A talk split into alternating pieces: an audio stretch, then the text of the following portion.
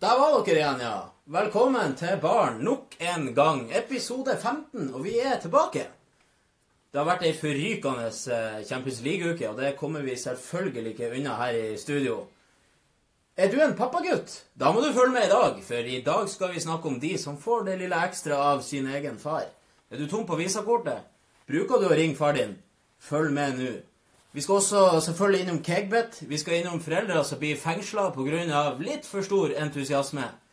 Vi skal også innom Å ja, sier du det? Følg med, dette er Kegsports Live.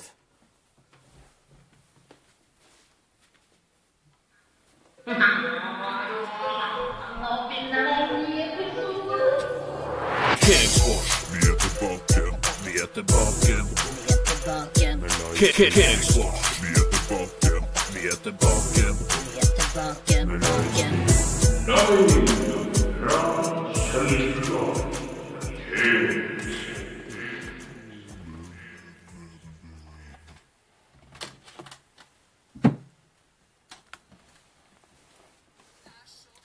Det er så herlig. Bare føler deg som et helt nytt menneske. Fotballnyheter i overklassen. Nei, kutt ut, da. Pappa, jeg er så glad i deg.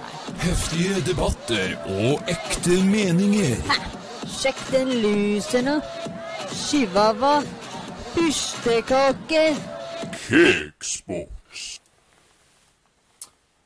Velkommen eh, tilbake til barn, og velkommen til dere gutta krutt. Thank you, thank you. Episode 15 er i gang, og det er jo ikke til å tro at vi har sittet her 15 ganger. Tida den flyr av gårde når vi er, når vi er barn. Det har vært ei eh, fantastisk Champions League-uke med ja, en av de mest eh, vil jeg si, spennende semifinalene vi har hatt på, på flere år. I hvert fall med tanke på hvor mange mål som er blitt skåra. Og Vi skal i dag eh, prate om det, selvfølgelig. Og som jeg nevnte i introen, så skal vi også innom tre utvalgte nyheter. Der har vi mye snacks, bl.a. fengsling av fotballforeldre. Vi skal innom eh, pappaguttene. Vi skal også innom en finurlig fyr som har brukt en kran for å se fotballkamp. Vi har jo selvfølgelig faste spalter, så du som eh, kjenner til det her, du vet hva som skal skje. Og vi skal hoppe rett i gang eh, med vårt program. For her i Cakesports så er det jo sånn at vi leverer alltid det Alltid det, det som ryker ferskest, og det som er best. Og vi leverer det på best mulig måte til dere der ute, sånn at dere egentlig ikke trenger å følge med på så mye annet. For det er jo derfor vi er her. Vi, vi samler alt for dere, sånn at dere bare kan se det her en gang i uka, så er det, så er det greit. Hvordan har dere hatt denne uka her? Har det vært, eh, har det vært bare fotball i hodet, eller har det vært litt annet òg? Ivar? Bortsett fra når jeg er på jobb, eller også når jeg er på jobb, så er det jo alltid eh, Jeg tenker jo mye fotball. Jeg blør jo fotball. Jeg har jo på en måte Jeg har jo på en måte hele logosystemet. Det renner i årene mine. Så Ja.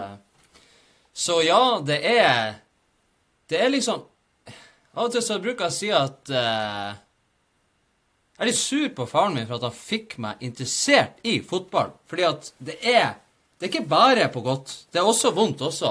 Det, det er ofte vondt. Det er på godt og vondt, og av og til kan det bli litt for mye. Ja, det, ja, det går utover helsa av og til. Altså. Men, men derfor gjorde jo vi det her også, fordi at da vi får ut det vi trenger å få ut. Ja. Jeg har jo av og til skada meg fordi jeg har blitt så ivrig. Ikke på fotballbanen, men i sofaen. Og det er godt gjort. Det er jo en slags terapi, det vi holder på med her i baren. Det Ja, det er det. på, på mange måter. Og... Ja, det er det er nydelig. Jeg tror vi bare vi gjør en litt sånn utradisjonell vri, så tar vi en skål med en gang Skal vi gjøre det? Det er, det er ofte vi. det er viktig å skåle mye. før episode 15. Og da skal vi hoppe rett inn i eh, Champions League-verden. Det har vært ei, eh, som jeg nevnte, ei fantastisk eh, Champions League-uke med semifinaler. Og den første semifinalen, det var jo returoppgjøret mellom Real Madrid og Bayern München. Og der sto det jo eh, 2-1 til Real Madrid.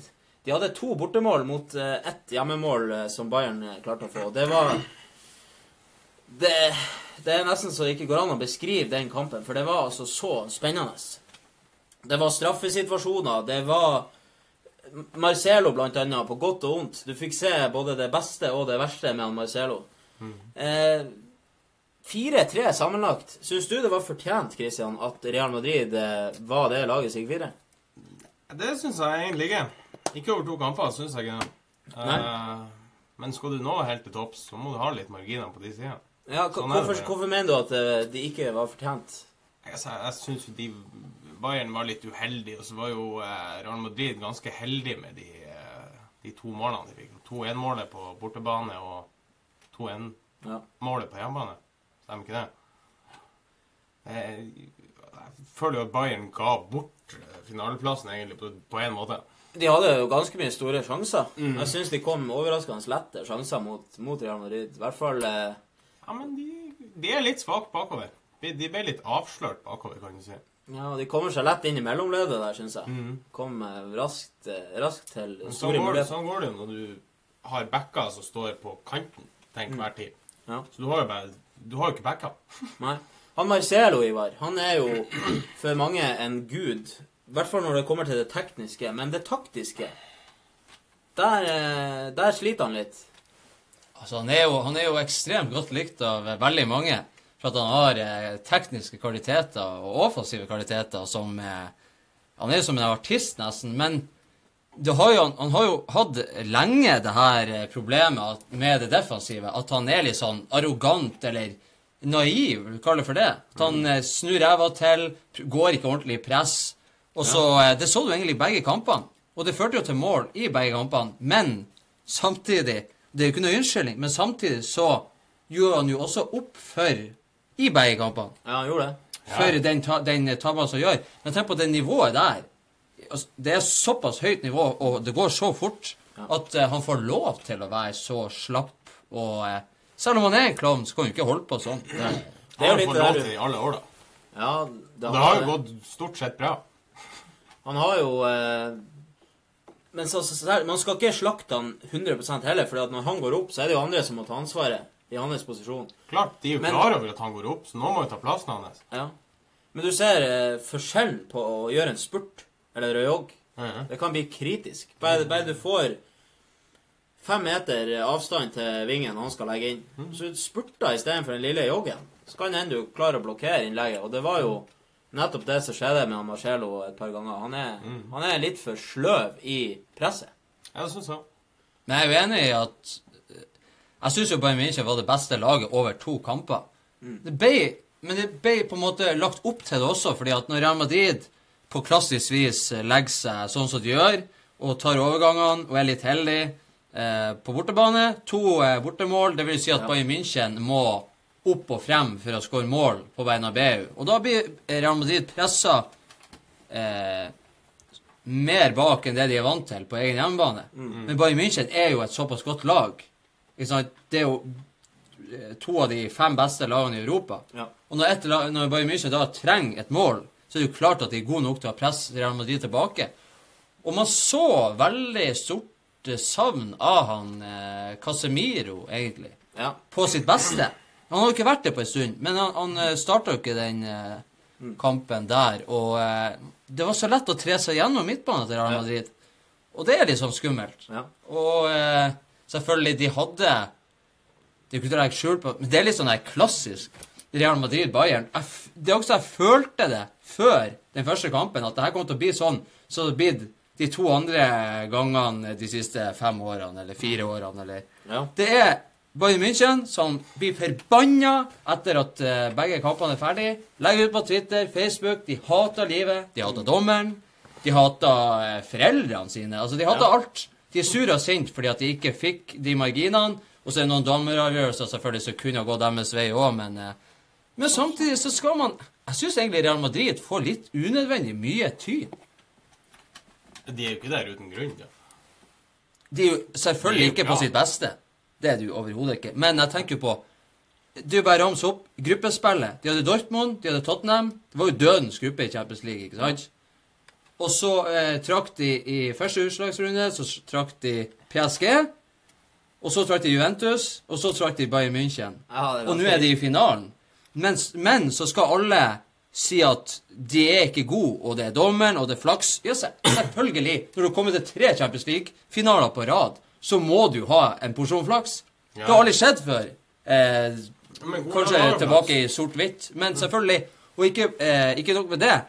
Men så blir de faktisk eh, sett på som en liten underdog mot Liverpool i finalen. Ja, det og det syns jeg òg er Hvem er det som påstår det? jeg forstår, jeg forstår det, for at Liverpool er jo sånn som man har pratet om City tidligere, at de er i offensivt eh, storform, og van Dijk der bake.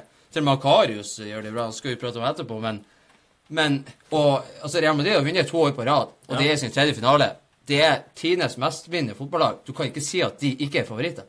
Vi skal nok ha ei sending til før finalen sparkes i gang, så vi skal ha en egen finaletvist. Men eh, jeg har litt lyst til å snakke om eh, keeperne. For en enormt stor forskjell det er på Navas og han Ulrich. Ulreich. Eh, det er faktisk såpass at jeg vil si at Ulreich Han gjorde at Bayern tapte, ikke gikk til finale. Mens Navas gjorde at de gikk til finalen. Navas hadde fantastiske redninger. Jeg ble mektig imponert. Ja, han, han var litt eh, dårlig på det her mål, første målet til Kimmich i første kampen, der han forventa innlegg.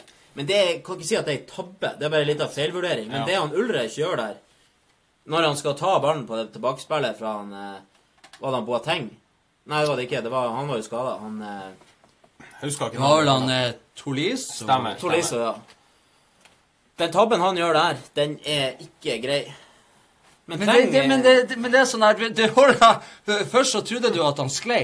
Jeg trodde at han Ja, jeg sklei, trodde han at det sklei, var ja. sånn her eh, Men så ser du på reprisen at han på, på en måte skal, seg. han skal bøye seg ned, og så tenker han Nei, kanskje ikke jeg kan ta den med hendene. Ja. Og så skal jeg prøve å unngå den. Og hvordan klarte den å fære mellom under handa? Det forstår ikke jeg. Nei, det er helt eh, fantastisk. Men trenger Real Madrid ny keeper, sånn som Navas har fremstått nå, Christian? Mm, Nei. Nei. Ikke nå. Nei, det har jeg sagt i Det sa jeg jo før det var meninga Eller rett før han De Gea egentlig skrev under for Real Madrid. Jeg, jeg forstår ikke det, for at han er fantastisk skuddstopper, og så det er ikke alle keepere som er på topp til enhver tid. Nei. Det er kanskje der som er forskjellen på Nigeria, at han er litt mer stabil. stabil. Men han Kelo Navas, et par redninger der på slutten Jeg skvatt. Ja. Jeg har aldri i mitt liv skjedd, Det har aldri, aldri i mitt liv skjedd at jeg skvetter når jeg ser en redning. Det er sånn Å, dæven! Det var som ei bombe. Ja. Så- bare reaksjonsredninga han hadde på den forretningsforandringa, den er helt vill. Ja, den er helt Stakkars. Ja, Jeg- Det er så synd at vi får syndebukker. Spesielt han Tenk deg han Ulrich, som har stått i skyggen av Noyer nå i én sesong. ikke sant? Neuer er ute, alle venter at Noyer skal komme tilbake igjen. Og så Det er bare mennesker. Kan du tenke deg når han går og legger seg på hotellet? Ja, fy faen. Jeg så et bilde Helt der alene, i mørtna, legger seg for seg sjøl, og han vet at det ble tellende. Selv om de hadde en tabbe først. Det er mye om og men. Men, men det, må være så, det må være så grusomt. Og jeg tror det der det kommer til å bli en sånn her eh, karrierestopp, nesten. Det er nesten som Bjarte Flem. Den nye Ulreich. Jeg har sett Det- med han i lang tid, altså. Men eh, jeg så et bilde av han Ulreich. Han satt på bakken på banen. Alle hadde gått i garderoben. Satt han helt alene på banen der. Jeg syns jo noen skulle faktisk tatt ansvar og gått og Det er dårlig. tatt rundt han. De Tatt skrev- han med i garderoben. Jeg tror han bare Jeg tror han skrev unnskyld på Twitter, og så hadde jo hele laget eh, liksom skrevet at nå står vi eh, Ja. sammen, og eh, det må ikke du tenke på. Det er veldig enkelt å være snill og god på sosiale medier når alle ser på. Selvfølgelig ser alle på på TV nå, men de blir nok tatt litt i stundens alvor der og bare går i garderoben og er forbanna.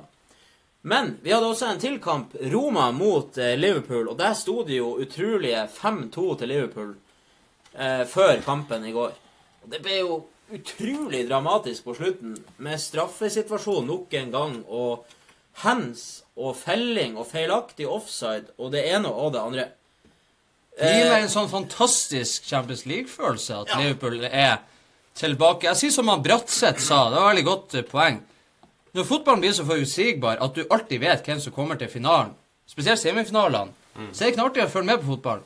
Og derfor så var det eh, på en måte eh, spennende og artig at eh, Liverpool, takk, eh, takk og lov for min, altså sier jeg, at det ble Liverpool, og ikke Roma. For eh, som jeg har sagt tidligere, jeg syns det er et hån mot turneringa i seg sjøl at Roma er i en semifinale i Champions League. Jeg forstår ikke hvordan hvordan, hvordan labyrint altså, Du har noen De har fått en sykt vanskelig labyrint, ikke sant? Og de her de hadde en vei rett frem. Jeg klarer ikke å forstå det miraklet som de hadde mot Barcelona. Selv om jeg har sett Roma eh, et par kamper i Serie A, at de har Men hvem som er offensiv styrke? Det er Anseko. Anseko er for god for å spille i Roma. Ja. Han er jo et stort beist. Han kan jo faktisk gjøre ting med ballen til å være så stor. Mm. resten av laget Du så jo Det tok jo ikke lang tid. eh, Liverpool skåra det første målet, som jeg også hadde tippa på forhånd. Og etter det så begynte jo både å stemple ned og, det, og filminga og det ene og det andre. At det var, var en parodi egentlig å se Roma. Selv om de faktisk vant den kampen. Hvordan de klarte det, forstår jeg heller ikke. Nei, det er nok eh, en kombinasjon. Men du ser han Ayn Golan, som liksom er en av de beste de skal ha, som gjør en sånn grov tabbe. Og sentra inn til han Firmino der, og det blir motorvei. Du Det- så til og med når han skåra 4-2-målet på straffe. Ja, Du så idet han skåra Han klarte ikke å juble, for han visste at ja og så skårer han jo det langskuddet i han stanga òg. Han jo det langskuddet i stanga ja, ja, men han visste Når han skåra to mål Ja. Jo, men det var etter straffa. Så skjønte han for at de er ett mål ifra, Ja. og han skjønner at det, selv om han har skåra to mål, så er det han som har gjort Mm. Eller Ja, det var han som gjorde det indirekte. Men de straffesituasjonene som er i den kampen Du har jo blant annet så har du den hensen til han eh, Til han eh, Trent Alexander Arnold, som er en soleklar hens der oppe med handa. Blokkerer ballen, som tilsynelatende er på tur i mål. Det er jo soleklar straffe. Og rødt kort. Og rødt kort. Og så har du den eh, hensen til han Klavan, som, der han er helt ned i normal posisjon, som ikke er i nærheten av straffe. Det er faktisk Ja, men jeg, Det er kompensasjon. Jeg tror, jeg tror han gjorde det på kompensasjon for at de skulle få den straffa de ikke fikk tidligere. Ja, men er det greit? Nei, det er ikke greit. Selvfølgelig. Du kan ikke, du kan ikke gjøre en feil fordi at du har gjort en feil. Nei. Du kan ikke kompensere for det, men jeg har aldri sett noen gang det blir dømt straffe på noe så Hvis du skal definere handa inntil kroppen, så er jo det det. Til og med femtedommeren sa og nei, det er ikke straffe. Og vinkelen som han hadde, handa han- Det stakk jo rett mot dommeren bak mål. Ja. Så hva den dommeren gjør egentlig der, i det hele og store Femtedommeren sa jo nei, det er ikke straffe. Han sa det til Van dag Det er ikke straffe.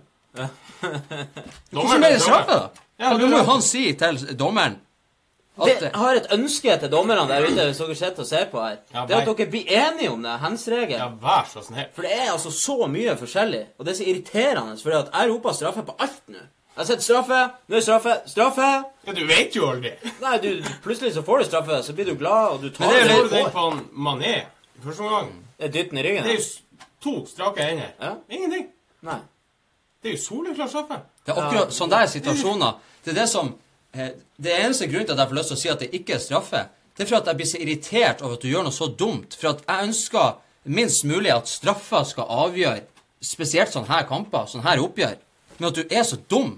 At står jo lengst mulig unna målet, inni 16-meteren, med ryggen til. Og på vei ut. Ja, Og på så, vei ut, og så bare puffer du han sånn der. Og det ser man jo her og der at sånne ting skjer. Men, men da er jeg mer på de her hensen som på en måte Når barn er på vei mot mål, sånn som han Arnold, for eksempel Men den kunne jo For min del ser det ut som 50-50 om man går inn i mål, eller om man går over mål. Det så ut som han for rett til sky. Det er umulig Men, å vite. eh, men selvfølgelig, da hiver du handa frem og blokkerer et skudd. Men uh, Jeg tror ikke det var meningen. Nei, det var jo ikke meninga, men, men altså, alt, alt i alt så var jo Liverpool det beste laget over to kamper, og uh, Det er utrolig spennende med tanke på eh, med finalen. Det Vet du hva, Vi satt der, det var ti minutter igjen i går, så sier jeg at kampen er ikke ferdig. Nei, den er ikke ferdig. Alle sitter på jo, den er ferdig. Det er tre mål på ti minutter. Hvor i svarten skal Roma klare å skåre det? Så jeg venter bare. Det er Liverpool-syndromet. Ja, venter bare. Kommer det ett mål? Kommer det ei straffe? Og så heldigvis så blåste han av like etterpå. Ja. Men det er jo også en ting som er artig å påpeke, er at Liverpool har fått mye skryt for at de er gode offensivt. Og aldri har et eh, lag i Champions League skåra så mange mål i løpet av turneringa som Liverpool har gjort. Det er jo én mer enn eh, Barcelona for noen år siden, eller hva det var for noe. Men skal også, når jeg sitter og kritiserer Roma, og jeg vet jo at det var noen dårlige avgjørelser og noen tabber sånn som gjorde at Roma skåra enkelte av de her målene, men over to kamper så slapp jo Liverpool inn seks mål mot Roma, som jeg mener er eh, ikke verdig å være i en semifinale. Selv, selv om de har kommet dit, men Men eh, du si det var nå to straffer, så Jo, jo, men jeg bare sier Et altså, selvmål. Jo, jo, men jeg sier De, de har seks mål mot Roma på to kamper. De skal jo møte Real Madrid, som alltid skårer mål. Jeg tror at begge kommer til å skåre mål i finalen. og Det kommer til å bli heidundrende. Og jeg, jeg har faktisk sagt det før de trakk semifinalene, at Liverpool kommer til å vinne Champions League. For jeg hadde en sånn her Jeg får bare en sånn her eh, Det er sånn engel som kommer til meg og skyter meg med ei pil og, og treffer meg med en magefølelse. sånn. De treffer, han treffer meg med en magefølelse. Ja, da er det her eksamen din. Ja, Så hvis det ikke stemmer nå, så er det bare å gi deg. Da har du fått stryk. Da blir det stryk. Ja, alltid Det det. ble skåra 20 mål i de fire semifinalene. Det er ni mål mer enn i fjor, og det er 15 mål mer enn året før der igjen. Så det har vært en, eh, som jeg sa, forrykende semifinaler. Og vi gratulerer alle Real Madrid-supportere og Liverpool-supportere der ute. Vi tar en skål for Champions League. Det er nydelig. Og vi skal gå eh, videre i programmet. Og du som sitter der ute, du kan jo skrive et lite ord til oss, eh, sånn at eh, de andre vennene dine ser at du ser på. Eller del filmen på Facebook. Vi trenger hjelp av dere for å spres litt utover her, så vi setter pris kan setter pris på at dere kan eh, hjelpe oss litt frem. For vi, vi koser oss uansett, og hvis dere liker det dere ser, så, så er vi meget fornøyd. Og da skal vi gå over til uh, ukens nyheter.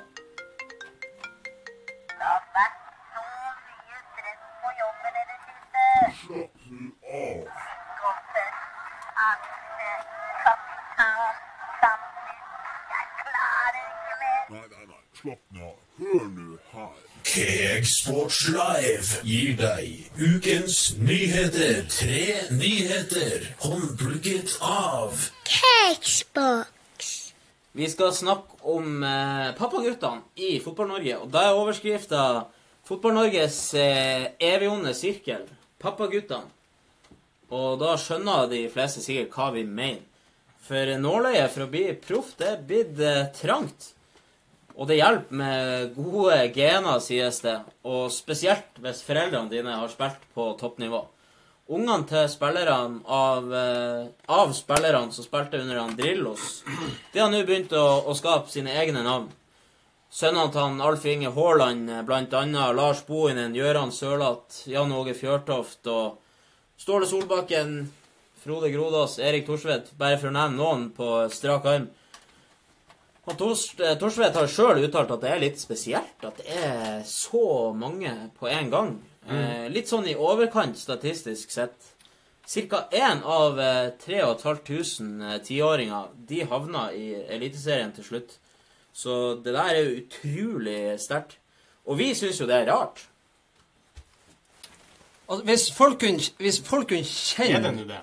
hvor mye det bobler inni meg, i sjela mi, for sånne her ting Det har jeg pratet om i så mange år. Ja, det er så utrolig eh, tilfeldig at det er sønnene til tidligere stjerner som kommer frem i lyset. Det er bare sånn helt tilfeldig ut av det blå. Ja, det er helt vilt.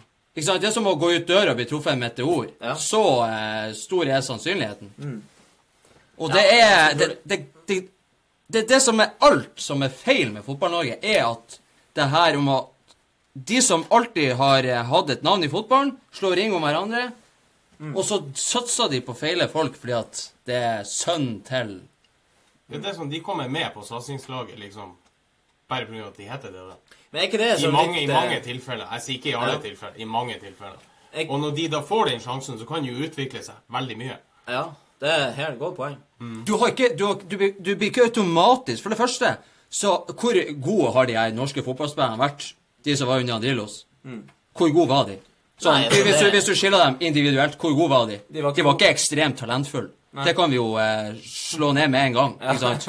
Og i norsk fotball generelt, det er ikke mange som er ekstremt talentfulle. Nei, det er ikke det. Så de her supergenene kan de bare legge bort. Ja, det kan de. Og da må du heller begynne å trekke frem hvorfor blir det satsa på eh, For at du har etternavnet til far din, så blir du satsa på. For at far din kan hviske eh, litt og har eh, kjenninger i klubbene, og selvfølgelig imponerende og det der. Og så blir du satsa på feile spillere fordi at det satses ekstra på de her med navnene, ikke sant? Ja. Det er ikke sikkert at det, det, det er han eh, sønnen til han eh, La oss si han Torstvedt, eller la oss si sønnen til han eh, Er han keeper, han òg, by the way? Noen som vet det? Det kan jeg egentlig ikke bry meg mindre om. Nei, altså, det har ikke så mye å si. Det vi prater om nå, er jo hvorfor de, hvorfor de blir det. Hvis noen der ute som vet om Sørloth eh, Ja, men uansett eh, hvem det er Ja, snakk ja.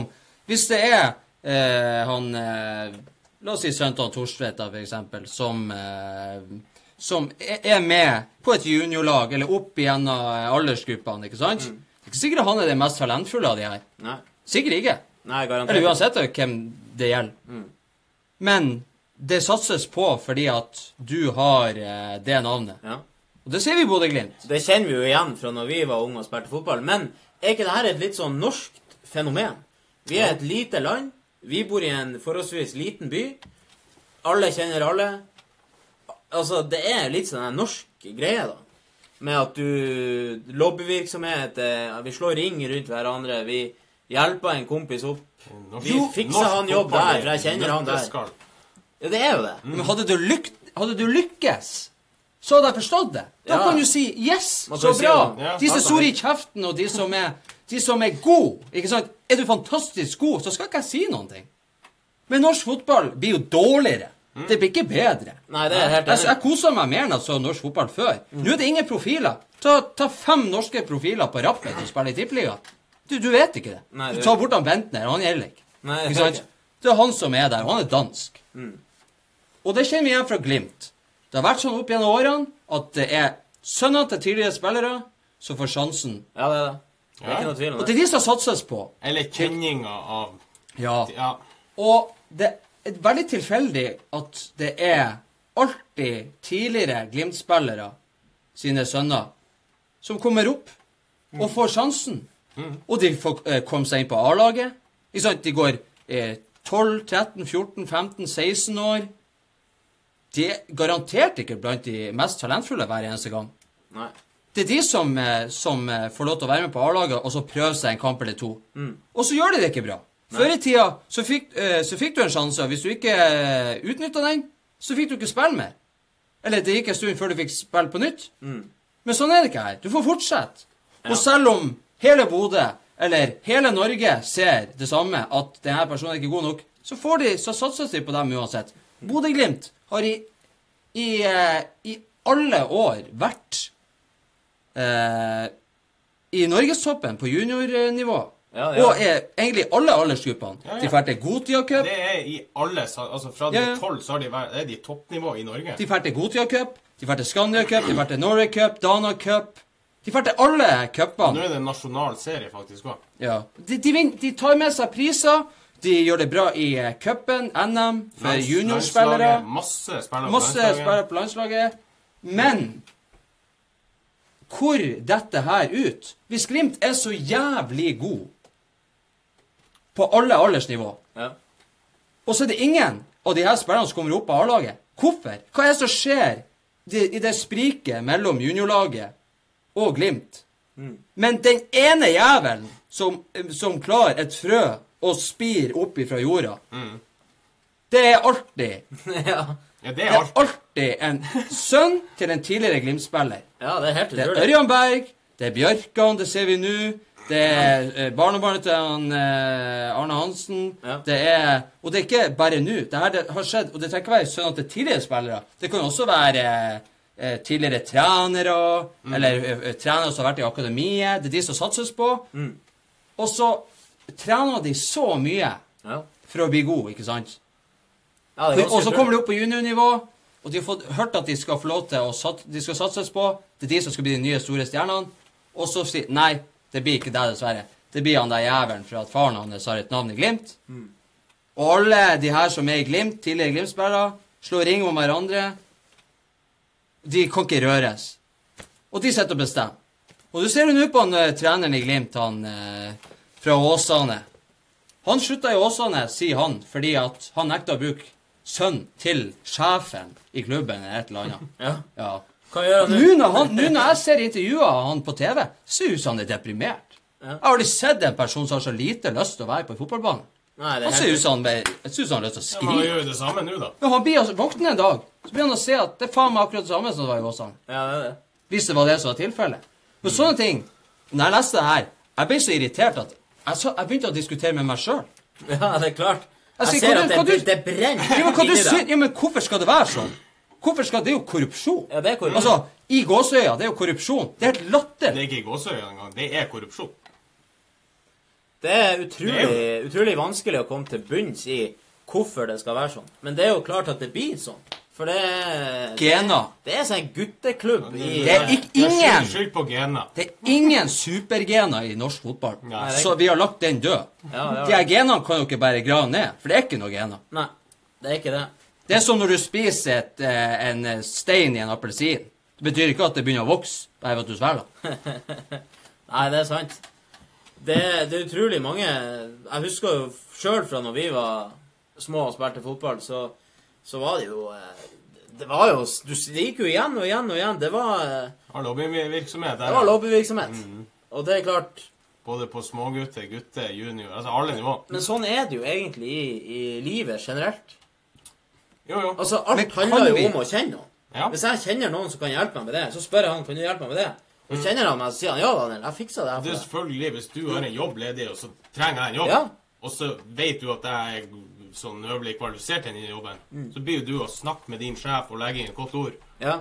Ikke sant? Det er selvfølgelig Det er jo sånn det funker, og det blir ekstra sterkt når man er en sånn liten by som vi. Gjør det ikke noe med unger som Men i 13-14 fotball, handler, gamle? i fotball handler det om, om penger og, Ja, og, og, og, og det å være best hele tida. Og da må du eh, gjøre det som er mest sannsynlig for at du skal være best.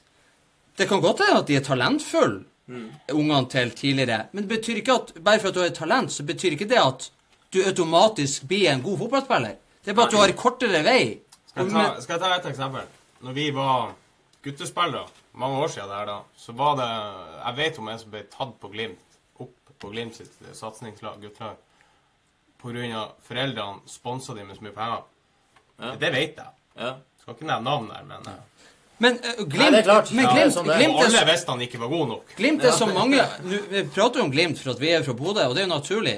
Men det er jo både i Glimt og i andre klubber så vet jeg, for jeg har opplevd det sjøl, og jeg har hørt det, jeg kjenner folk som vet om det, at det er jo fra barnenivå, når de begynner å komme opp ikke sant, i, eh, der, i tenårene, og det begynner å bli kamp, ikke sant begynner å bli seriøst. ja, så, så er det seriespill. Så er det alltid noen av de andre lagene som ikke er de her hovedlagene, som Glimt f.eks., Ja. som har en eller to spillere som skiller seg litt ut.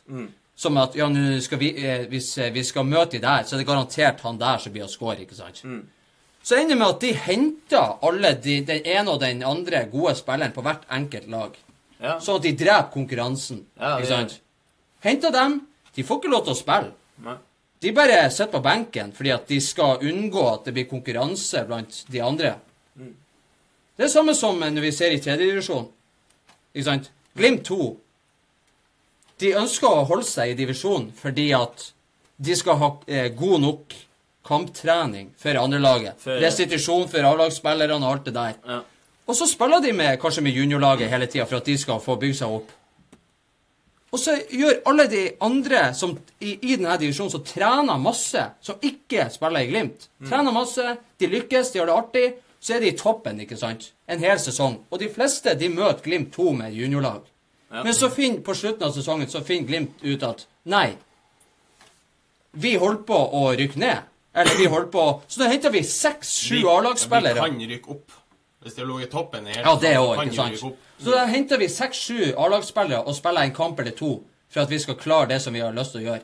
Da ødelegger de hele sesongen Ja, Ja. til de lagene som har trena eh, på Mm. ærlig vis, med andre trenere, med andre økonomiske midler, som, som prøver å gjøre en ærlig jobb, ikke sant? Ja, gjør en ærlig Så kommer de inn, og så ødelegger de hele sesongen. Fordi at da skal de møte A-laget til Glimt istedenfor juniorlaget. Ikke sant? Ja, Du dreper jo litt av moral, moralen til skal- juniorlaget, juniorspillerne som spiller på Glimt òg. Så blir hevet ut i den ene. Ja, men hvordan, hvordan skal norsk fotball bli bedre når du dreper nivået på den måten der? Ja, det er helt Du trør ned de andre som har faktisk De har bygd seg opp, og talentfull, og eh, kanskje både trenere og spillere mm. kan eh, få en karriere, eller gå frem i karrieren, eller Og så trør du dem ned fordi at du skal være så forbanna kynisk. Ja, det, Og det er en grunn til at eh, andre lag i Norge burde ha en egen serie. Det er det. Og det er også en grunn til at uh, han Ivar har fyra seg opp nå. Og det er, det, er, det. det er et viktig tema å ta opp, for det her er rota av Vi er inne på noe ekstremt viktig her. Det kan være rota til det som skjer i Fotball-Norge. Det har vært sånn i alle mine år, i hvert fall. Ja, Grunnen til at norsk fotball ikke er så veldig mye å skryte av, kanskje. Vi skal gå videre, og når vi først er inne på, eh, på det temaet der, så skal vi gli sømløst over på noe litt annet. Og der er overskrifta 'Når foreldre er uenige om spilletid til sine barn'. Og det er ikke alltid like lett å se at din egen sønn eller din egen datter sitter mye på benken og sliter med å få spille. Enten om det er ufortjent eller fortjent. Det er tungt uansett, vil jeg tro. Men i Frankrike så har vi fått en liten ny vri på akkurat det. Og denne debatten blir stadig, har i hvert fall nå i det siste, blitt tatt litt frem i lyset. Og det skal vi også gjøre. For det er en åtte år gammel gutt som eh, endte opp eh, Foreldrene endte opp i fengsel. I henholdsvis seks og åtte måneders fengsel. Foreldrene tålte ikke at han satt så mye på benken. Og de tålte ikke at han ble bytta ut. Og klubbpresidenten fikk en eh, hårføner som var helt utenom det vanlige. De har rett og slett ropt at de skulle drepe han, og de skulle hente en AK-47 og ødelegge hele turneringa. så det har bare eskalert noe til de grader. De har eh, rett og slett trua de på livet. Og eh, foreldrene de skal visstnok være ganske kjent i miljøet for sine følelsesmessige utbrudd. og de har fått ei bot på 20 000 kroner hver. Eh, han gutten han skal jo være lagt merke til av diverse klubber, og han beskrives generelt som en snill gutt. Eh, det der er jo eh, Hadde du henta AK-en hvis sønnen din ikke fikk spille? Kristian? Nei, Du henta balltre? nei, altså, han er åtte år gammel. Ja, det er drøyt, det. Ja, Det er veldig drøyt. Altså, Han har jo ikke, han ikke begynt å utvikle seg som fotballspiller. Altså, det heller Ta han til side og lære han, og altså, gjøre han bedre. Lurer på om de har en eh, AK-47. Tror når Hvordan kommer du, du på det? tror du når du sitter på tribunen der, så blir sønnen din bytta ut, så er bare Nei, nei, nå er det faen meg nok. Så sprenger du ned bare Jeg skal drepe dere. Jeg henter AK-en min. Få han inn på banen igjen. Og du blir klikka helt. Ja, men Spesielt hvis han er lagt merke til og er talentfull. Det har i hvert fall ikke noe grunn til det. Nei, det er Det kan hende at de må bruke alle pengene som de kunne brukt på å sende han på eh, fotballcamp eller noe sånt. Ja. Vi sier hei til han eh, Stian Beck Hansen der. Han sier hei til oss. Ja, ja. Hei. Hallo, ja. Eh, vi får jo håpe for gutten sin eh, egen del at han ikke har arva genene til foreldrene, for da blir han en sint fotballspiller. Får varige traumer ut av det der. Ja. Men tror du ikke gutten må gjøre noe for foreldrene sine i fengsel? Nei, det er jo et godt poeng.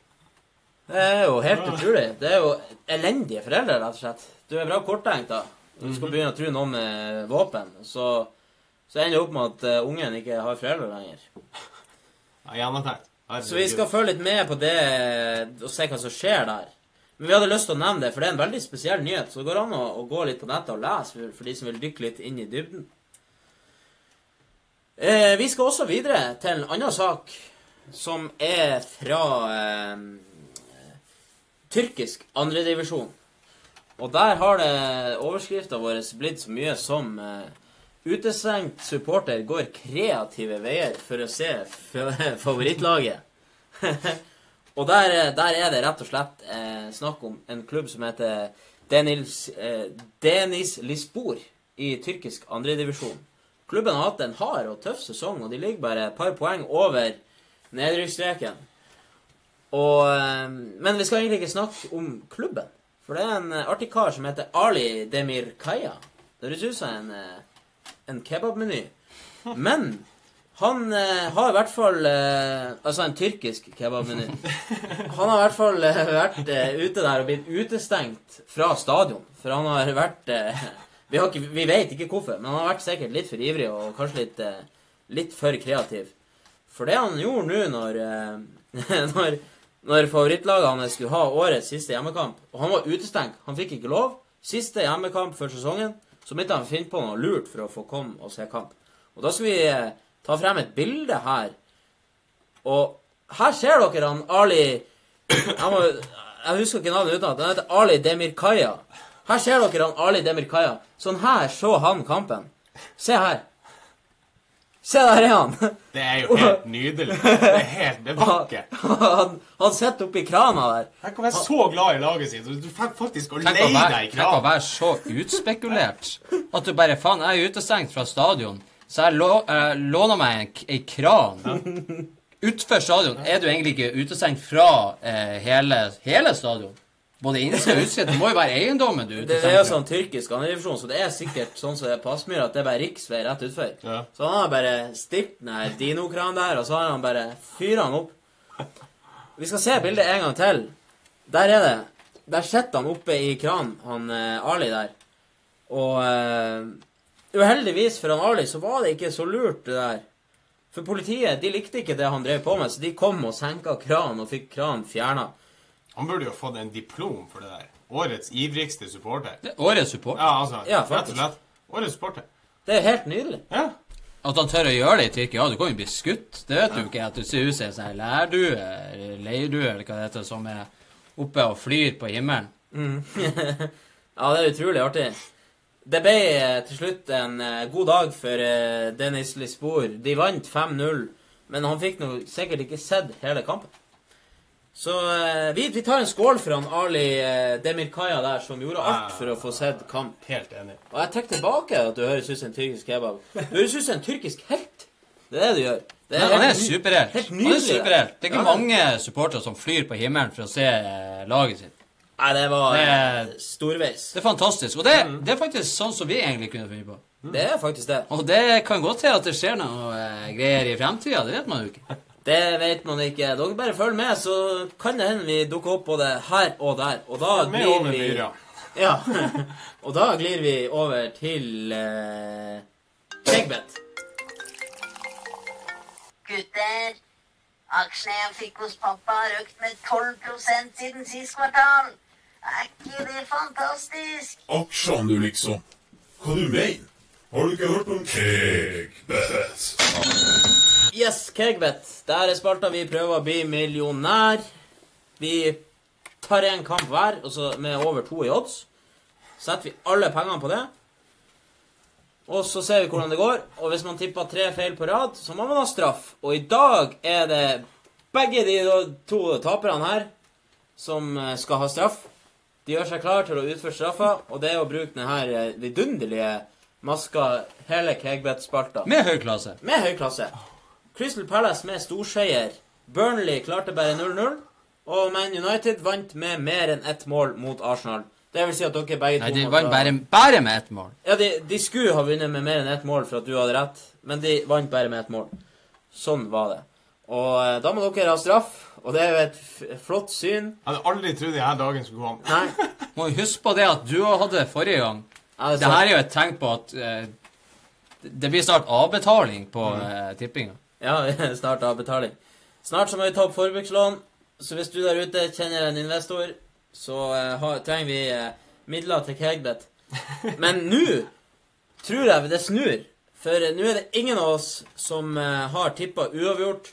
Det er ingen av oss som har uh, tulla noe vi, vi, vi, er, vi er rett og slett 100 sikre på at denne uka så går Kegbet inn. Når, jeg, når, jeg, når jeg, det gikk opp for meg at jeg måtte ta straff denne uka, så gikk jeg inn i meg sjøl, og så for jeg, så tok jeg litt sånn medisinsk yoga Ja. for å bare få en sånn indre sjelefred over mitt eget sinn. Og, og, og leite dypest inni mørket for å finne frem eh, de rette resultatene i eh, helga som kommer, og eh, det har jeg gjort. Det har du gjort. Du har rett og slett gått på en eh, leken Stoke City mot Crystal Palace. Hjemmeseier. Det har tatt hjemmeseier for at Crystal Palace kan ikke fortsette den gode formen som de har gjort. Nei. Og Stoke, det her er deres aller siste sjanse til, hvis de skal ha noen mulighet som helst, Ja. mm. til, å, eh, til å klare å bli i Premier League. Og så fikk jeg en liten sånn her Det var en liten fugl som hviska i øret mitt at han Sørloth kanskje blir å komme inn på den kampen, så da var det egentlig sikker håp. Det, poen, det poenget de fikk mot Liverpool, kan jo ha gitt dem et lite håp, som gjør sånn at de, det bikka i vår favør. Ja, det er, det noe som sier at Stoke er ikke helt ferdig. Husk på at uh, Swansea og flere av de her, de har, uh, de har noen uh, tøffe kamper igjen. Og jeg tror Swansea og Southampton blant annet skal møtes. Så det, hvis de er frekke nok, Stoke, så klarer de å smyge seg imellom. Ja. Southampton og Everton borte i helga. Altså. ja. Og der har jeg vært med på laget til han Ivar og tippa på Everton, sånn at eh, Stoke skal få det bra. Jeg har tippa hjemmeseier til Everton med 2,70 i odds, og 2,70 i odds på hjemmebane til Everton mot Southampton. Det mener jeg var for bra til å ikke tippe. Ja, Southampton var såkalte favoritter i den kampen der. Ja. Det forstår jeg ikke. Ikke utrolig nok, men det er litt det at Everton Jeg tror de, Everton. Everton har ingenting å spille for. Absolutt. De har jo æra å spille for. Ja, det er klart. Og Pickford ble jo årets spiller. Ja, da eh, Ja, det, sier det, det, ja, det sier sitt. Ja, det gjør det. Everton hadde en eh, bedragelig sesong, selv om de ligger, de ligger på en åttendeplass nå. Nei, niende, tror jeg. Hmm.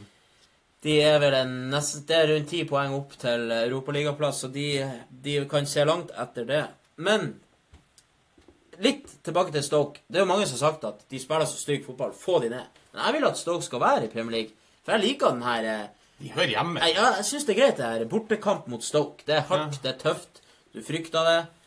Det er ikke det samme som å fære borte til f.eks. Exeter eller et eller annet. Stoke er jo et lag som du legger merke til blir borte. Ja, det gjør det. Hvis uh, West Bromwich uh, Nå er det jo Sunderland som gikk ned der. Swansea Ja. liksom. Sånne lag, det er sånn ja, Dere kan forsvinne av sesongen. og kanskje komme opp igjen, og så uh, blir det jo trivelig å se deg igjen. Ja. Men uh, Stoke er jo et lag som jeg ønsker, også med Crystal Palace Southampton òg, Ja. ønsker jo jeg skal være i Premier League. Ja, så uh, jeg og Daniel gjør tippa på lag for å holde dem oppe i Premier League. Det har vi gjort. Og eh, Christian, du har vært en storkamp. Ja. Chelsea mot Liverpool. Og der har du vært Borteseier. borteseier. Av den enkle grunn av at Liverpool er i god form. Ja. De trenger bare tre poeng for å sikre fjerdeplassen, ja. Og de blir å gjøre det. Borte mot Chelsea. Jeg tenker at Liverpool, hvis de klarer å få tre poeng med Chelsea, da er det avgjort. Ja, da kan de ja, hvile ja, det- spillerne frem mot Champions Ja, nettopp. Det òg. Men Da er det helt avgjort. Men er litt uh, Blir Liverpool å uh, gå all in mot Chelsea med fullt lag og uh... Jeg tror det. Sånn at de kan hvile mot Altså spille med de guttespillere mot Brighton, for den saks skyld. Altså. Det er jo så å si over. Jeg tror at Liverpool blir topp fire. Og som, som dere har hørt at jeg har sagt at Liverpool blir å vinne Champions League også. ja, Ja. Men må du bare huske at Chelsea er seks poeng bak med én kamp mindre spilt. Ja, men det er nok med uavgjort mot Chelsea. Og så har jo Liverpool en bedre målforskjell. Chelsea er én kamp mindre spilt. må du huske. Ja, men jeg tror det er gjort, for Chelsea må vinne alle kampene de har igjen for å ta oss igjen. Mulig. Det er, det er, de er det er vanskelig for. Chelsea å ta de. Men jeg er litt usikker på om Liverpool blir å gå all in og tør å risikere skader på sine beste spillere. Nei, ja, men da, hvis de vinner sine tre siste, da må Liverpool vinne mot Brighton. Så det er liksom Ja, hvis de vinner Hvis Chelsea vinner, ja. Men Ja. hvis Liverpool spiller uavgjort mot Chelsea, så, opp, så tror jeg da kan de maks komme av poeng med Liverpool, og da må de skåre 20 mål på to Ja. kamper. Men Liverpool jeg har en går- bedre målforskjell. i Hall. det. Ja, de har Ja, det- 20 mål bedre målforskjell. Jeg tror de går all in for det der. Vi har en samla odds på 18,08, og vi har stor tro på det her. Everton hjemme mot Southampton. Chelsea, Liverpool, borteseier. Stoke, Crystal Palace, hjemmeseier. That's it. Panserthuset! Jepp. Gjør det. Det er bare å slenge inn. Si opp jobben. Det er Sett alle pengene her du har her. Det er ikke noe tvil. Det er det du må gjøre. Og eh, vi skal bare nevne at vi trenger bidrag til Kegas-prisen. For eh, vi har ikke noe bidrag å vise dere i dag. Dessverre så har dere eh, svikta oss. Så dere der ute, vær så snill, hvis dere vet om noen som har en film av et eller annet mål fra fotballsletta, eller Jeg skal fortelle deg hvorfor det ikke er det. Fordi at Glimt har henta alle de gode spillerne fra de andre lagene, og de sitter på benken. Så det er ingen som kan skåre gode mål. Nei? Jeg vet, jeg vet det er veldig med mye bra mål der ute. Til og med eh, ødelegger Kegas-prisen oppi det hele. Ikke sant? Derfor blir jeg irritert. Derfor blir du irritert. Hvis du der ute kan hjelpe oss litt, hvis du kjenner noen, eller har hørt om noen som har et eh, mål på film, be de om å sende det til studioalfakrøllkegsports.com. Ja. Så er de medlem med i trekninga og kan vinne Kegas-prisen. Og det er jo en nydelig pokal. Ja, en pokal på eh, vel en halv meter. Pluss at dere får en valgfri fotballdrakt som er verdt en, eh, en høvding. En halv høvding, minst. Og det er ikke til å kimse av. Så eh, ta nå og skjerp dere litt. Ta nå Kjenn besøkelsestida deres, og så er dere med på Kegasprisen. Og da skal vi over til eh, den alle elskede spalten Å ja! Sier du det? Sier du det? Det hadde du ikke trodd, nei. Det er kanskje det sykeste du har hørt. Og da går maskene av, og vi beveger oss over til spalta Å ja, sier du det? Og det er ei spalte som skal lære dere noe nytt, som kanskje tar dere litt på senga. Ei spalte som rett og slett tar deg med storm, som du kan fortelle videre til vennene dine og kollegaene dine, og de vil tro at du er en jævlig smart fyr.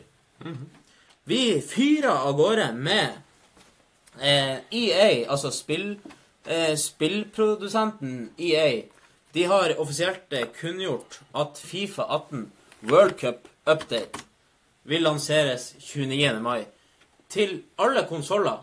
Til våre store eh, Ja, egentlig entusiastiske Det, det må nesten skål for det. Det det er skål. En liten. Vår liten gedigne glede. Ja, og så er det jo eh, Vanligvis så har det jo kommet ut et eget spill. Nå i moderne verden så kjører de en update, men Jeg skuffa meg litt. jeg- Nei, men jeg syns jeg, så- jeg, synes jeg så på den reklamesnutten at Ronaldo la et uh, cover med bilde av seg sjøl Ja. med noe landslagsdrakt i Så det kan godt hende For at, jeg tror det er sånn at hvis du har Fifa 18, så kan du laste det ned. Ja. Men du kan også kjøpe det. Du kan også kjøpe det. i CD-form. Jeg skal kjøpe det. Det er ikke tvil. Du må jo ha det i samlinga. Du du Du må ha, ha det i samlinga. Må ha det. Jeg tror du har alle spillene siden 99. 97. Eh, 96. 96, ja. Der ser dere. Så det er også litt sånn Å ja, Nei, jeg er ikke 97. Ikke 97, nei. Ja, men det har jeg, så jeg kan få oss med. For Det er, for jeg vet det er med Newcastle-drakt, er det ikke det? Har du det? Alan Shearer. Kan få det oss med. Vi hopper videre. Det skotske championship-laget Brechin City er det første laget i Skottland på 128 år som går en hel sesong uten å vinne en eneste kamp. Og det skjedde sist i 1891-92-sesongen. Tror for en følelse. Smak på det. Hadde jeg spilt på det laget jeg lagt opp. Ja. For jeg en- følelse. Det, det, er så, det må jo være så smertefullt flaut. Sant? Ja. tilbake Tilbake til 1800-tallet. Det er så smertefullt flaut at Ja. eh, At eh, hvordan du, Ja, jeg vet ikke hva jeg skal si. ja, det er helt utrolig, rett og slett. tror du du spiller på da lag. Kommer folk og spør deg ja, du spiller fotball. Hvilket lag spiller du på? Herlig hvor lag du spiller du på. City. Ja. Ja, det er dere Men som har vunnet én kamp Ja. Der kommer det der nye uttrykket. Dere vet jo at Arsenal blir kalt for Invincibles. De her skal jo bli kalt for Invisibles. De har jo vært helt eh, De har ikke vært til stede i, det, i jo, sesongen her. Ikke én kamp! Ikke én kamp. Den spanske sportsavisa Mundo Deportivo har uttrykt sitt ønske om at spillerne til Real Madrid og Barcelona skal legge rivaliseringa til sides og danne en egen eh, Guard of Honor foran, André, eh, eh, Andres Iniesta. Altså en egen Guard of Honor bare for, for han Iniesta. Før El Clásico førstkommende søndag. Og det er jo ikke noe tvil at alle vet at Barcelona har stukket av med tittelen der, sånn at det sitter jo langt inne for Real Madrid. Men avisa skriver annet at en eh, sånn hyllest vil være verdt mer enn den Ballon de Åren han aldri vant. Det er det største pisset jeg har Ja, i mitt liv. det er det dummeste jeg har hørt i hele mitt liv. Det er jo ikke sånn at han tror at det er ekte hvis de står der og klapper til han. Nei, men hvorfor skal, hvorfor skal du hylle? Det er jo greit at han er en av de største spanske spillerne gjennom tidene, men hvorfor skal de stå og hylle han? Det er jo rivalisering. Ja, det, det- er det som er alt feil med fotballen i dag. Det er ikke rivalisering lenger, fordi at det er ingen som er fra de Ja, men du kan jo hylle en spiller som har gjort så mye for fotballen likevel. Jo, men du kan jo gjøre det etterpå. Sånn som Wenger var på Old Trafford.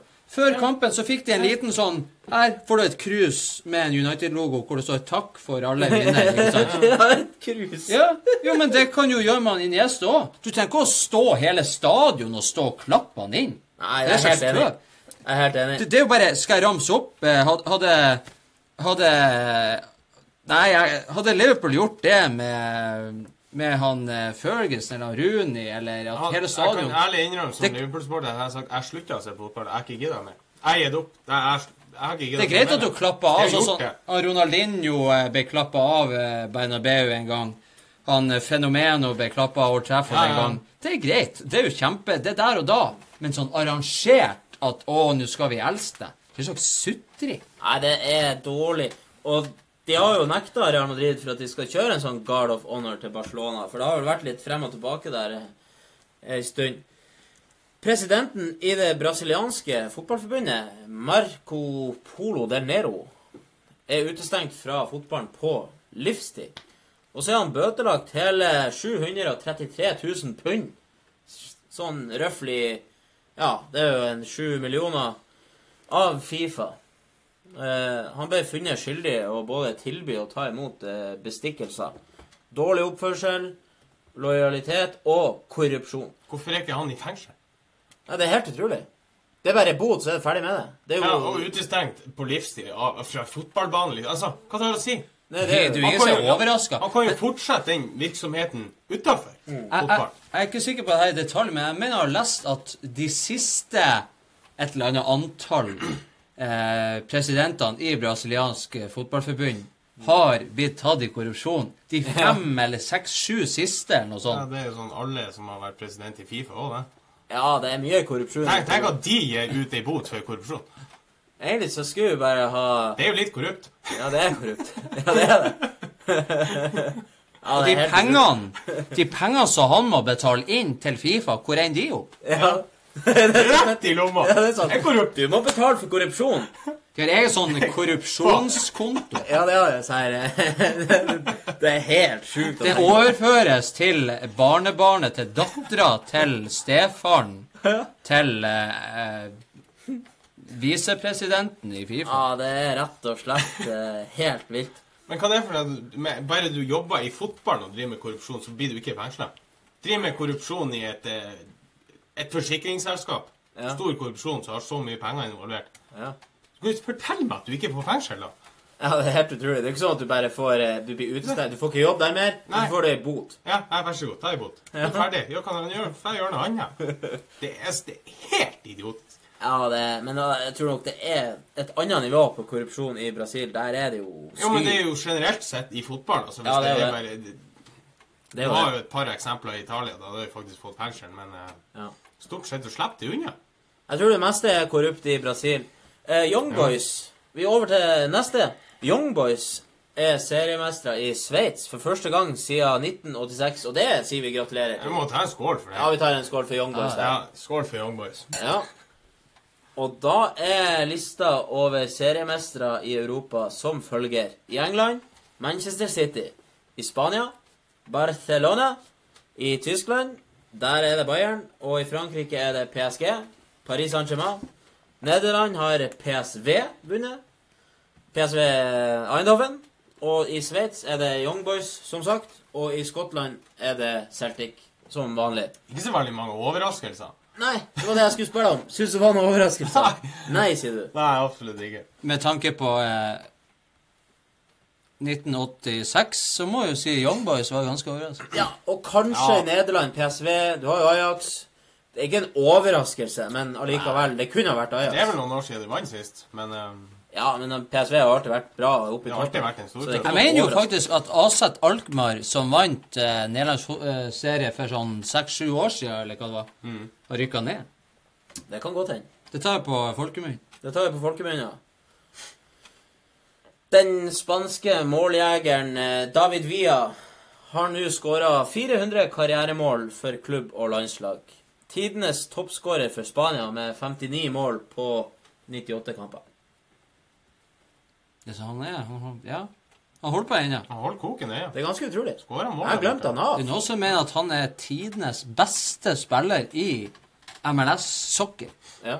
Ja, men det er jo Altså, fotball i USA er det samme som fotball i Kina. det. Du, du blir glemt av. Ja, det blir glemt av. Ja, men mindre fotball i Kina er artig. Med mindre du heter Zlatan. Du blir ikke glemt av hvis du heter Zlatan. Du kommer alltid i media. Alt med kinesisk fotball er artig, bortsett fra å se på kinesisk fotball. Ja. Det er Poenget er at du drar dit, så blir du bare glemt av resten av verden. Chelsea i FA Youth Cup. Og FA Youth Cup det er jo ei turnering for ungdomsspillere under 18 år. Eh, og de, Chelsea har jo vært kjent for å ha veldig mange gode talenter, men så selger de de jo etter hvert. De har jo ei lang liste med spillere de kanskje burde ha beholdt. De låner de ut et år, og så selger de. De har utrolig mange spillere på utlån. Men det vi skal nevne her, det er at de har vunnet denne Youth Cupen i 2010, 2012 2014, 2015, 2016, 2017 og i år, 2018, har de også vunnet. Og det er imponerende. Hvor er alle de spillerne da? Nei, men Jo, de- men der er jo tilbake til Glimt igjen. Ja. Det er jo samme greia. Men det er jo fordi Chelsea kjøper jo Men, men, men forskjellen er jo at Chelsea kjøper jo og presterer og gjør det bra. Glimt, som eh, henter opp eh, pappaguttene og alle de her, og så gjør de det dårlig og rykker ned, Ja. du, da blir jo ekstra lagt merke til. Ja, si, hvis de gjør det bra, så kan ikke jeg si noe. Nei. Og det er jo naturlig. Chelsea har blitt den klubben som de har blitt. Men det er ikke én som kommer opp, og det er jo litt sørgelig. Det er litt sørgelig. Du Men Real, eh, Real Madrid er jo faktisk på samme vis eh, litt sånn. Real Madrid er faktisk det, eh, den klubben i Europa som har flest egenproduserte spillere rundt i europeiske klubber. Ja. Men de har ikke mange egen. Nei, det er det som er. Chelsea har utrolig mange spillere på utlån. Men det, det er jo litt eh, det er jo, Jeg syns jo det er litt artig, og jeg er redd for den dagen man ikke har én eneste lokal spiller i klubben. Det skulle, jeg mener det burde vært en regel at du Altså Nå er det jo sånn at du må ha så og så mange engelske, men det skulle vært en regel at du må ha minst Minst én lokal Du må ha én spiller fra hver bydel. Ja, hver bydel, ja. Ja, men Du må jo ha så og så mange egenproduserte spillere i troppen. Ja, Men en egenprodusert spiller kan jo være en du henta fra Spania da han var 16 eller 17. ja det er akkurat det. Det er sånn barne... Så er jo han egenprodusert. Det er jo helt idiotisk. Ja, det er det. Han er jo ikke egenprodusert. Nei. Han er jo produsert for lenge siden et helt annet land. Det er jo derfor de er ille ute med de her i perioder spanske lagene, at de henter for unge spillere for tidlig. ikke sant? Ja. Det er litt sånn lugubert. Ja, det er litt Men. Du, eh, du trenger ikke være så ung. Men de har fått regler på det òg nå. Ja. Så Vi går videre. Den kine... Nå er vi tilbake i Kina. Nå må du glede deg. Ivar. Den kinesiske klubben Og så er det de her navnene. Chongqing Dankai Li faen har tilbudt seg å kjøpe seks millioner flasker med vin. Fem pund per stykk. Av han, av, av han Andres Iniesta sitt eget eh, vinfirma Bondega Indiesta. bare for han skal signere. Ja, det skal være en del av en avtale som bringer Iniesta til eh, den kinesiske superklubben, hvor han tjener ca. 25 millioner pund per sesong. Er ikke, det, det, er ikke det nok, liksom? Men altså, hvorfor skal de kjøpe Hvorfor er det ikke korrupsjon? Ja. Det er jo så korrupt at det holder ikke. Hvor, hvorfor kan du ikke gi han bare mer i lønn enn det? Jo, fordi at når du kjøper det av bedrifter, så kan du slå det av på skatten, Ja. og du kan slå det av på selvangivelsen, og du kan eh, Du tar ut overskudd, ikke sant? Det er jo korrupsjon på høyt det- nivå. Men Det er er jo det. som de drev det er jo- med Det er smutthullvirksomhet. Ja, det er det, skulle ha en avtale i landet, så bare gikk du og prata med munnen, så hadde du med deg en sånn flaske sprit under Seks millioner flasker! Hva de skal gjøre med de? Han- De drikker jo ikke vin han- i Kina. Han, De drikker eh, ikke vin i Kina. Han Andres Iniesta, han, han er jo nødt til å Hvis han tar imot den bestillinga, så må han jo kjøpe et nytt eh, Han må jo kjøpe nytt produksjons... Han har jo ikke nok druer til å lage seks millioner flasker. Ja, det er Det blir jo eh, Ja, det går og miljøsvin. Ja. Andres Iniesta miljøsvin. Ja. Fem pund ganger seks millioner, da er vi oppe i Jeg kan ta kalkulatoren 30 millioner pund. Hver gang nummer fem, det, så det er good. Hva det var det? var fem millioner pund. Seks ganger fem, 30. Ja. 30 millioner pund. 30 millioner pund. 30 millioner pund. Det er 300 millioner. Pluss det, det er liksom Det, det er hans sign-on fee. Hvor de henter Det er hans sign-on fee. Hvor de henter Så neste gang jeg spiller football manager, så kan jeg kjøpe ting fra spillerne Ja, istedenfor å gi dem sign-on fee. Ja. Og, Tror du det er på neste eh, FM? Og han skal klappes inn på Bernabeu hvis han Nå har jeg ikke sagt at han har sagt ja til det, Nei, men ja. Ja, men hvis det der er sant, så er det i hvert fall et eh, sjokk, og det er Han har lært av han Shah Shavi. Shawi. Shavi. For til Qatar var korrupt. Korrupsjon, rett og slett, der også. Eh, vi skal gå gjennom en liten liste over managere som har vært i en Champions League-finale siden 2011-2012-sesongen. Vi kan begynne nederst. Mourinho, hvor mange, hvor mange Champions League-finaler har han vært i nå på fem-seks år? Siden 2011-2012? Ja. Én. Null. Null. Guardiola? Jeg tror ikke du hadde med folk som var på null. Vi må ta de dårligste òg. Guardiola null. Luis Henrique én. Angelotti én. Di Matteo én. Klopp to.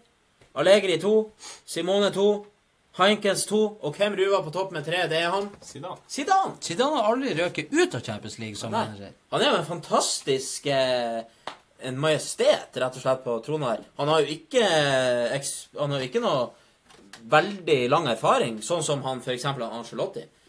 Og han har heller Ja, men ikke den taktiske egenskapen til han Er så sjef når han står på sidelinja. Ja, men han har heller ikke det her taktiske genigreien til han Pep Guardiola. Men han lykkes. det er Men, men, det spesi men det spesielle her er jo at de to best betalte managerne i verden, Guardiola og Mourinho, som skal, og spesielt Guardiola, som de, siden han gikk fra Barcelona, var i Bayern Nå i City skal jo være verdens beste manager. Og Mourinho har lyktes med sitt òg, men null på begge.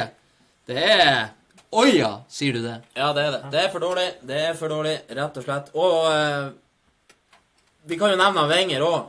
Han har hatt null. Beklager, Wenger. Du er ferdig. Du har ikke flere sjanser, så der blir du værende på null. Han Rio Ferdinand han har lagt opp som eh, profesjonell Du trodde jeg skulle si fotballspiller, men det vet vi at han har. Men han har lagt opp som bokser. Hadde han noen gang begynt? Før han har begynt! ikke en eneste kamp. Jeg tror vi hadde sånn sparringsrunder på, på gymmen. Jeg fikk seg et par over øynene, så var det bare Å, faen, det her kan jeg ikke likevel. sånn. Nei, fuck det der. Jeg, jeg gjør noe annet. Hvor skal du begynne med det når du er 35 år? Slapp nå av. Det er litt som han Jon Arne Riise der. Det er langrennskarrieren hans. Det er rett og slett Åh, eh, altså. Det er rett og slett helt fantastisk. Hvis du liker spalta vår Oja, sier du det, så eh, kan du følge litt mer med på Facebooken vår. Vi blir å legge ut litt mer sånn snacks der fremover. Og husk å legge igjen en liten like til oss. Lik oss på Twitter, Kegsports. Og eh, vi kommer til å være eh, Vi kommer aldri til å gi dere fred. Vi skal holde det her gående, og hver uke så kommer vi med et lite, lite program for å gjøre dere oppdatert på det som har skjedd den siste uka. Og så er det jo mulig at det kommer ei bok til jul. Vi får se. Det kan hende det kommer ei bok, ja. Det kan faktisk hende. Og da skal vi gli over eh, til det vi nettopp pratet om, at vi skal holde dere oppdatert.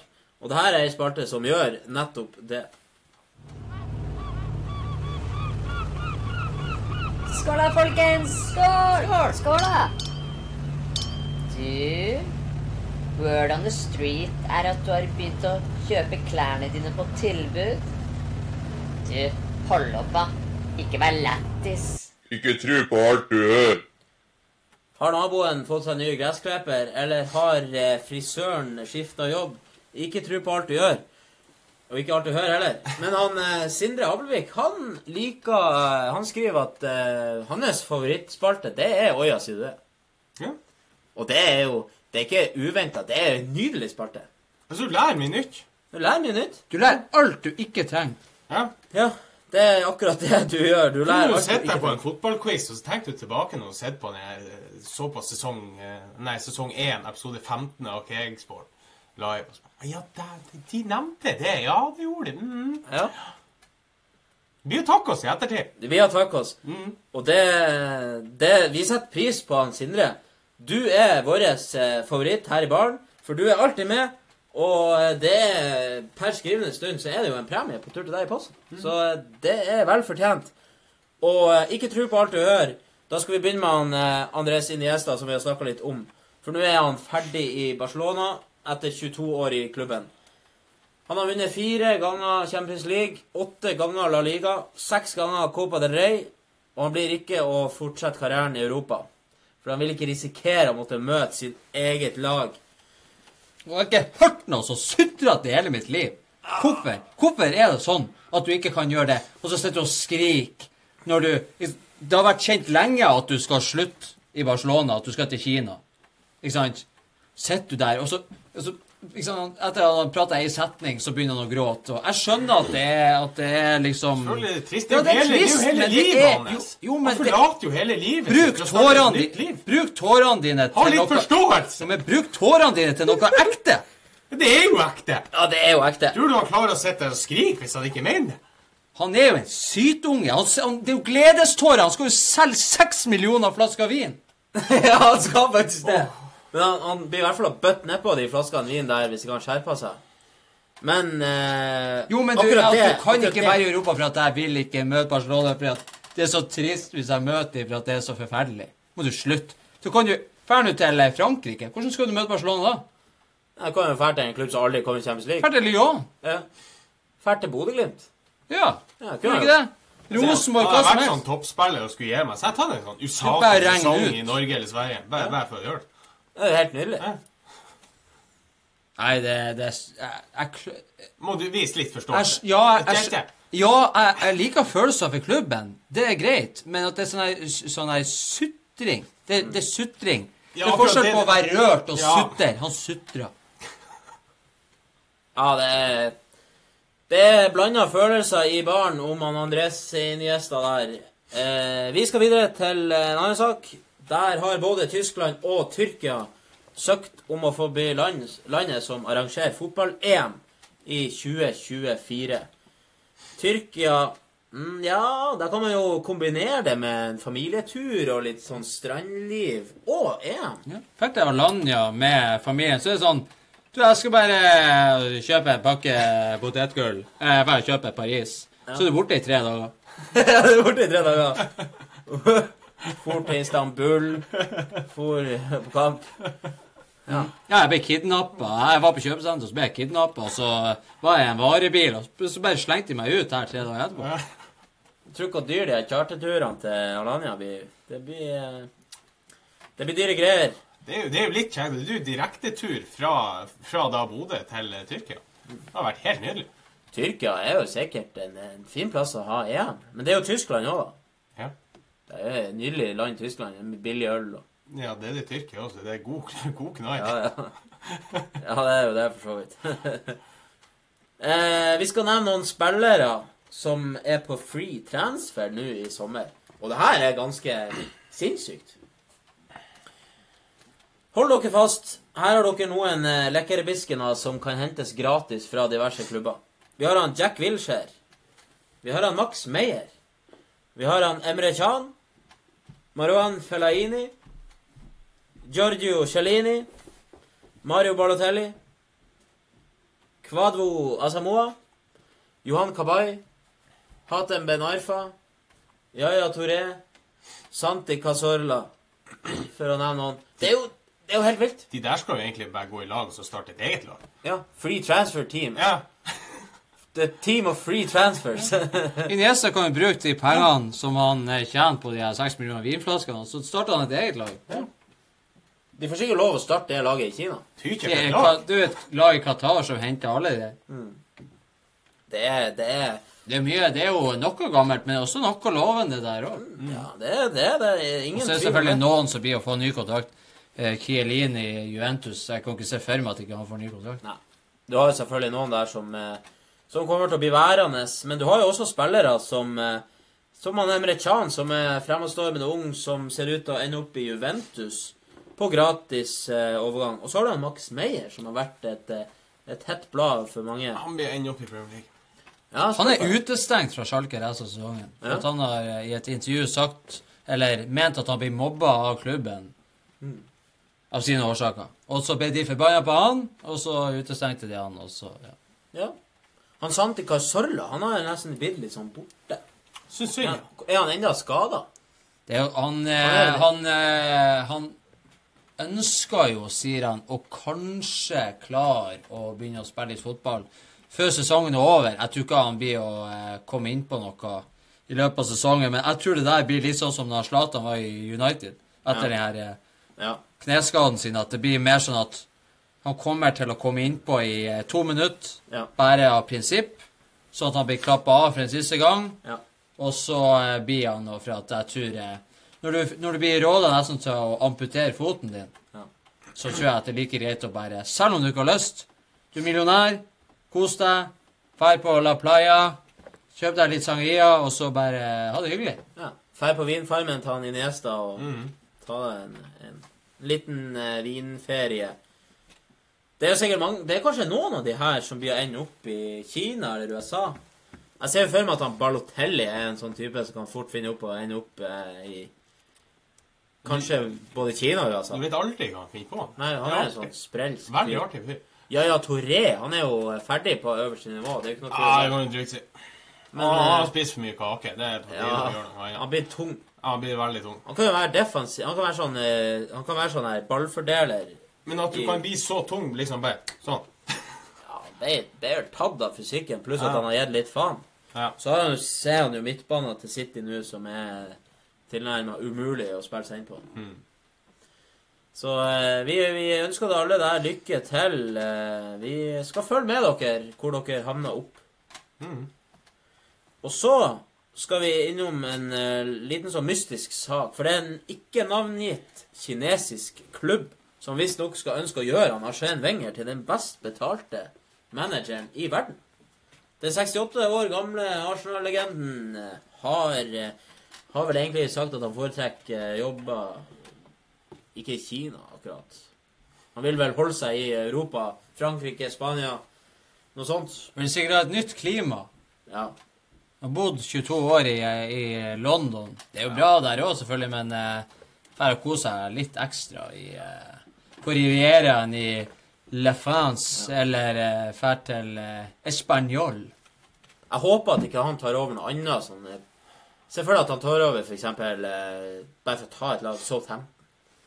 Det, det tror jeg ikke blir å skje. Du, Nei, det du gidder ikke det når du har noen år igjen. Men han skal, han skal bare gi seg i England, syns jeg, da. Ja, det syns jeg Det tror jeg han blir å gjøre òg. Det, det håper jeg.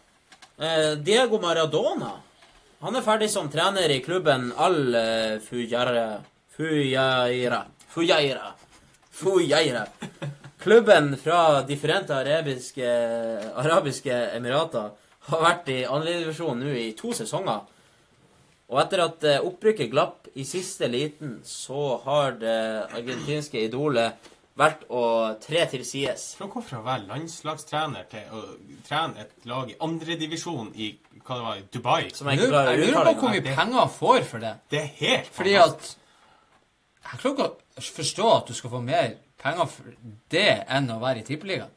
Hvorfor gidder du å være i andre divisjon Nest øverste Det er jo, nivå det er jo penger. i Du- Emiratene? I Dubai de sitter jo de sitter sånn her og kaster ut penger. De driter jo penger. Det er jo sånn Ibba som er i Ja. nest øverste divisjon i Japan. Ikke sant?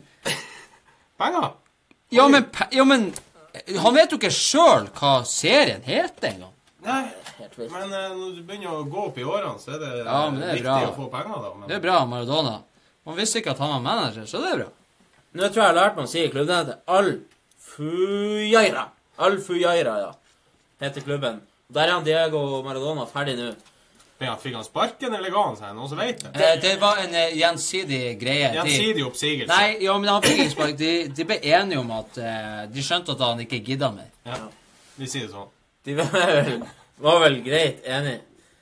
Han har vært manager der siden våren 2017, så det er et drøyt år. eh. Vi skal snakke litt om han Bobby Firmino. Roberto Firmino. Han har eh, gleda mange Liverpool-fans eh, etter han signerte en ny femårskontrakt nettopp. Det sies at han blir klubbens eh, best betalte spiller, med lønn på rundt 180 000 pund i uka. Og Det skal også være snakk om noen bonuser inne i bildet. Og det er jo vel fortjent. Mm. Nå er jo lønnene De kan vi jo diskutere evigheten. Det er jo syke summer, men sammenligna med andre spillere, så fortjener han vel den Jeg lønna. trodde han Salah hadde noe sånt. Nei, han kan få det. Det er snakk om ny kontrakt til han òg. Samme lønn. Får han ikke mer? Jeg syns det er fint at de ikke har sånn her Det er litt kjipt, det der.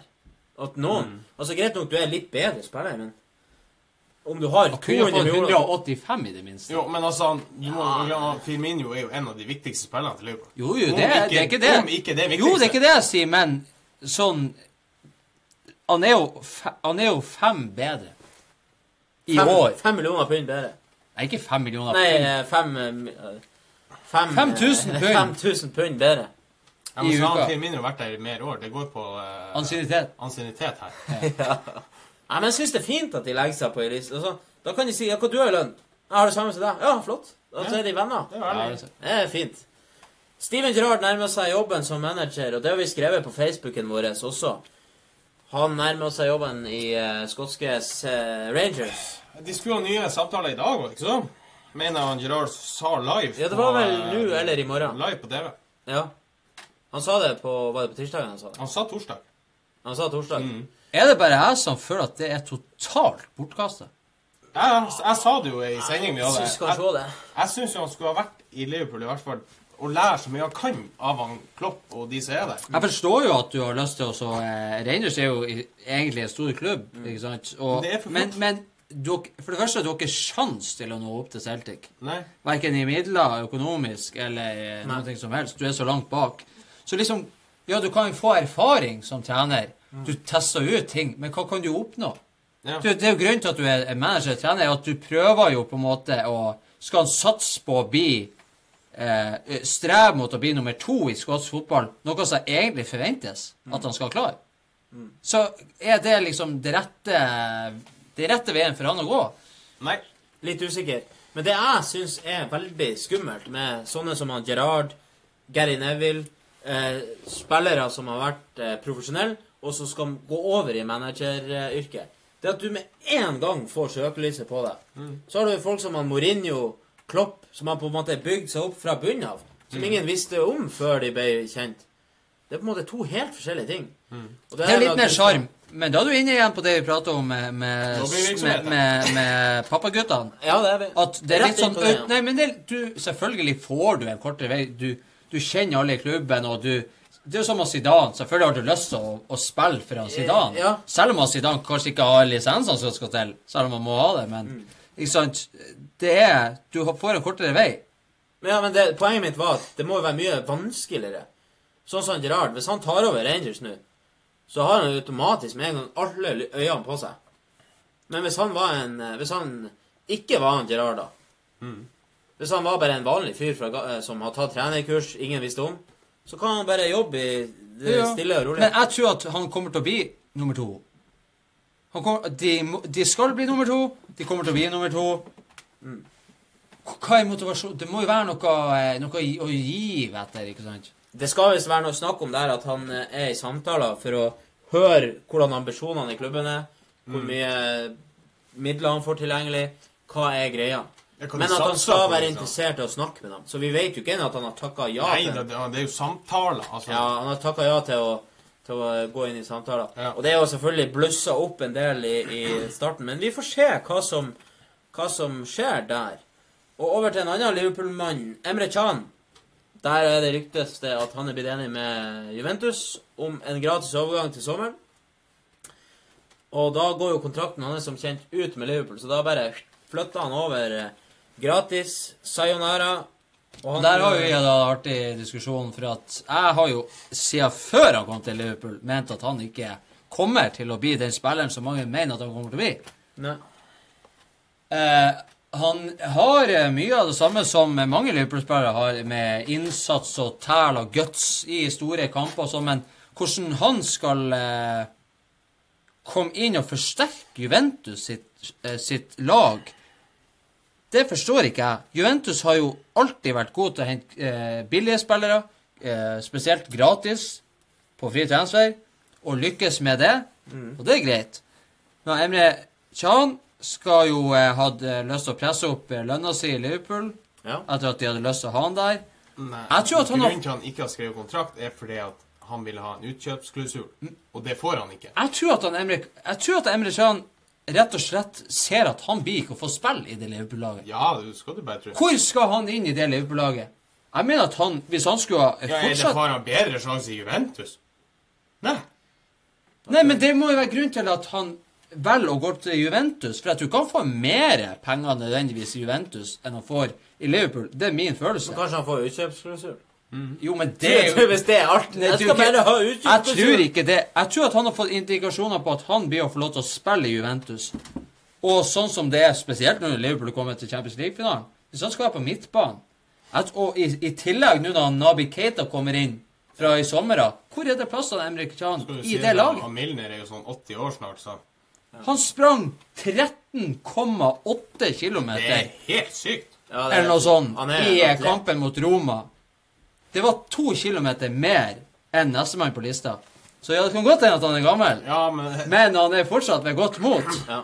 Men jeg forstår ikke, hvor, jeg forstår ikke hvordan Juventus tenker. For jeg, jeg klarer ikke å forstå at han skal inn der. Pjanic, Kedira Kedira er ikke ung, det er greit, men han er dem, en av deres viktigste spillere i år. Og han Matuidi, og så har de flere. Så hvordan Emre Chan skal inn og forsterke Juventus? Jo, men det var ikke mange som skjønte det når Liverpool henta Chamberlain heller. Jo, men det Nei, var det det var, det var ingen. Nei, det var Jo, Det var ikke jeg- en kjeft. Men jeg eh, har jo alltid sagt om Matt Chamberlain at eh, som fotballspiller teknisk sett, så syns jeg at Jeg tror ikke han kommer til å bli helt der, men jeg vet at han har det i seg, det her med innsats. Ja, det har jo nemlig ikke han nå. Jo, det er greit, innsats. men du kan ikke du, eh, I Liverpool har jo en eh, tradisjon for å gjøre det bra i store kamper mot gode lag. Han blir ikke å ha den motivasjonen i hver eneste kamp i Italia. Juventus kan ikke mene at de skal vinne Champions League. Det er greit. Se midtbanen til Liverpool nå, og de er i finalen. Men nå må jeg prate ut ifra det fotballfaglige. Det som er mest logisk. Ikke sant? Ja. Nei, men det, Men det, det, miljøskifte, ny trener, du kan passe bedre inn i spillestilen. Og blir jo La meg prate ferdig. Spillerne har spiller i lag med Det finnes tusen eksempler på akkurat det. Spillere som ikke har blomstra helt i den, klubben, så skifter de klubb og så er de plutselig ei verdensstjerne. Ja, og det, en annen ting Uansett om du ikke har sett potensialet i den klubben han Ja, har. jeg er enig, men, men han er som en sånn eh, Han er som en murer, ikke sant? Du, du klarer å utføre jobben din bedre enkelte dager enn andre. Men du kan smøre på her og der. Fug, gjør hva du vil. Men i, i bunn og grunn så er du bare en murer. ikke sant? Med all respekt til de som er murer. ja. Men se nå på lista over de gratis spillerne, da, hvis du tar den. Log logikken i det. Juventus er veldig god på å hente gratis spillere. De sitter sikkert hvert år og ser på De de blir som er de blir gratis. de blir helt alle. Så går de gjennom, og tar vi, nei, da overtar tar vi han. Så ser du på lista. Wilshere, Max Meyer, Emre Can, Felaini, Celini, Balotelli, Asamoa, Kabayi, Benarfa, Touré, Cazorla. Det er jo ikke noe tvil om at Emre Can er en av de bedre du kan hente her, med tanke på alder Ja, ja, det skal jeg ikke si Sånn at, på. at Juventus henter han Emre Can, det er en kjempesignering for dem. Han er en av de Du kan si topp fem defensive midtbanetalentene i verden. Det kan Altså, du ikke betvile. Jeg, jeg, skal ikke, jeg, skal Det ikke si, jeg, skal ikke ikke, skal ikke si at ikke det er et, et bra Hvis du kan kalle det for kjøp, eller bra eh, henting av dem, men at han skal gå inn og gjøre Juventus til et bedre fotballag Han har jo over ti kamper for tysk eh, landslag. Han er 22 Ja, Da spiller han høyre back. Han kan, han kan spille Ja, stopper, indre løper, indreløper, sentral Jo, midtbane og back. ja, men det er det jeg mener. Det jeg mener at han, han burde satse på en karriere som stopper, mener jeg. På midten så er han for tung og treg. Kanskje han skal ta over etter en Kjellini? Det er som han Sjaka i Arsenal. Det er som flere eksempler. Det, I dagens fotball, når det går så fort Det ja, er ikke det er godt Premier nok. Kanskje han passer perfekt i Italia? Nei, men Ikke når det kommer til Champions League. Da går det jo fort uansett. Ja, men det, da sånn Emre Chan Can burde bli en stopper i en treer bake. Ja, men Kanskje det, det det de vil. Det, det, Sånn som Zidane. det var han jo livet mange ganger. Zidane var jo en fette, treig spiller. Mm. Men Men kan ikke begynne å prate om Zidane Jo, jo, jo, i samme setting setning som Emre Can. Pass munnen. Nei, men du kan det. Fordi at Jeg er faktisk litt enig i det. Du skal ikke sammenligne Emre Can med han Zidane. Men du nevnte det med fart. Og Emre Can, som defensiv midtbanespiller, i noen type spillestiler, Casemiro er litt kjapp. så trenger du ikke fart. Men du har, du har Det en kommer an på litt mer hvordan du spiller. eleganse. Han Emre Can, svakhetene hans har blitt så tydelige i Liverpool fordi de spiller kjapt langs bakken. De opp og press, hurtige pasninger. Mens Se eksempel Manchester United, som har en, en om, om, omgjengelig spillestil. En litt mer sånn seig spillestil, der det skal legges inn, det skal være possession, det skal kontrolleres. Mens Liverpool er mer litt sånn hulter til bulter. Sånn Hawaii. Det- Ja. Han, Emre Chan hadde passa perfekt inn i midtbanen til Manchester United, blant annet. Og jeg tror han kommer til å gjøre det bra i Juventus. Jeg tror han kommer I løpet av de neste tre årene så er han fast på Juventus, og han kommer til å være en av eh, en stor spiller i Europa. Han kommer til å være fast i Juventus når han går dit. Det er jo det som er hele poenget. Han får ikke spille i Liverpool. Han kommer, til å han, spille i kommer, Juventus. han kommer til å bli en mye bedre fotballspiller. Men hvem skal ut i Juventus-laget? Det kan vi prate om neste gang. Ja. Det kan vi prate Spar om neste til gang. Vi skal eh, Vi skal runde av. Det skal vi gjøre. Eh, vi har ikke kommet gjennom alle nyhetene helt ennå. Vi skal bare nevne Det gjør vi jo aldri. at han Selko Buverts linkes til Arsenal. Assistenten til han Klopp forsvant på mystisk vis. Liverpool har sagt at han forlot av personlige årsaker. Det indikeres at han ikke kommer tilbake igjen. Ingen vet hvor han er eller skal gjøre, men det linkes da til Arsenal. For de har jo en eh, ny eh, president eller en sånn slags sportsdirektør der som visstnok skal være veldig ivrig på han Buvac. Jeg vil tro du får vite det når sesongen er ferdig, Champions League-finalen er done, så kommer alle kortene på bordet.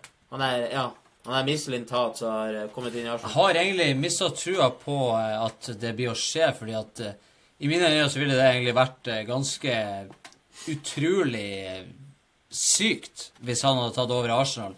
For det første så har han aldri vært hovedmanager i noen som helst klubb. Selv om han skal være jern til han Klopp, så er det en stor forskjell på å være nummer én og være nummer to. Det har vi eksempler på han Ferguson som har vært i United. Har hatt massevis av forskjellige eh, nummer to ved sin side, og fortsatt gjort det bra. Så selv om du har en hjerne på sida av deg, så er det enormt stor forskjell. Og hvis Arsenal da, etter 22 år, etter Adam Enger, skal hente en som aldri har vært hovedmanager, det er for meg litt sånn der altså Selv om uansett hvor god du Ja, er er- fotballfaglig, så er det veldig sånn Det er noe som skurrer Du viser ikke akkurat ambisjoner, vil jeg si. Jeg sier ikke, jeg, jeg, sier ikke, at- jeg sier ikke at ikke han er en god fotballtrener og fotballfaglig, men å ta det valget etter han Wenger eh, det, hører, det er noe som skurrer, så jeg, jeg har ikke trua på at det bør skje. Nei. Ja, men du vet aldri med det Arsenal. De gjør mye rart. Det vil uansett ha vært den største overraskelsen jeg har opplevd i mitt fotballiv. Ja, det, kan- det, det kan jeg si meg enig i. Og det liker vi jo egentlig. Det er artig å bli Det er, det er ikke, det er bra at eh, ting er uforutsigbart. Han André Villas Boas han eh, går vel klubbløs nå, og han har blitt kontakta av Borussia Dortmund. Men Da er han er Zenit. Ja, han Zenit, ja. Stemmer det. Og Dortmund trenger jo trener, så eh, han eh, Han kan jo ende opp der.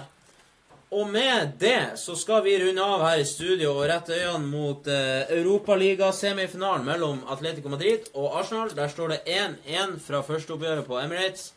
Og vi krysser fingrene for en eh, god fotballkamp. Vi håper på null dobbelttabber og null skandaler. Vi håper det beste laget vinner. Og da har jeg masse øl og bøtter. på oss spare litt av og til, for Dere er blitt så flinke. Ja. Etter jeg var på programlederkurs, dere har skjerpa dere. Episode 15 eh, Det betyr at vi er kommet langt ut i verden. Og verden elsker oss, og vi elsker verden. Og vi håper jo da at at folk bare fortsetter å like det Caseboard er, for at eh, vi er kommet for å bli, og vi kommer til å være som en, eh, en sånn der influensasykdom i samfunnet. Som aldri frem, frem til at alle rekker opp hånda og sier OK, dere er faktisk best. Det er det vi er. Og med det så sier vi adjø, og vi skal avslutte sendinga med bilde av han i kran som har sneket seg inn for å se Eller han har ikke sneket seg inn, men han har sneket seg utafor med en kran for å få se kampen der han egentlig var utestengt fra. Og her ser dere det bildet, og da sier vi adjø, og på gjensyn, og farvel, og god natt og alt det der. Ha det bra.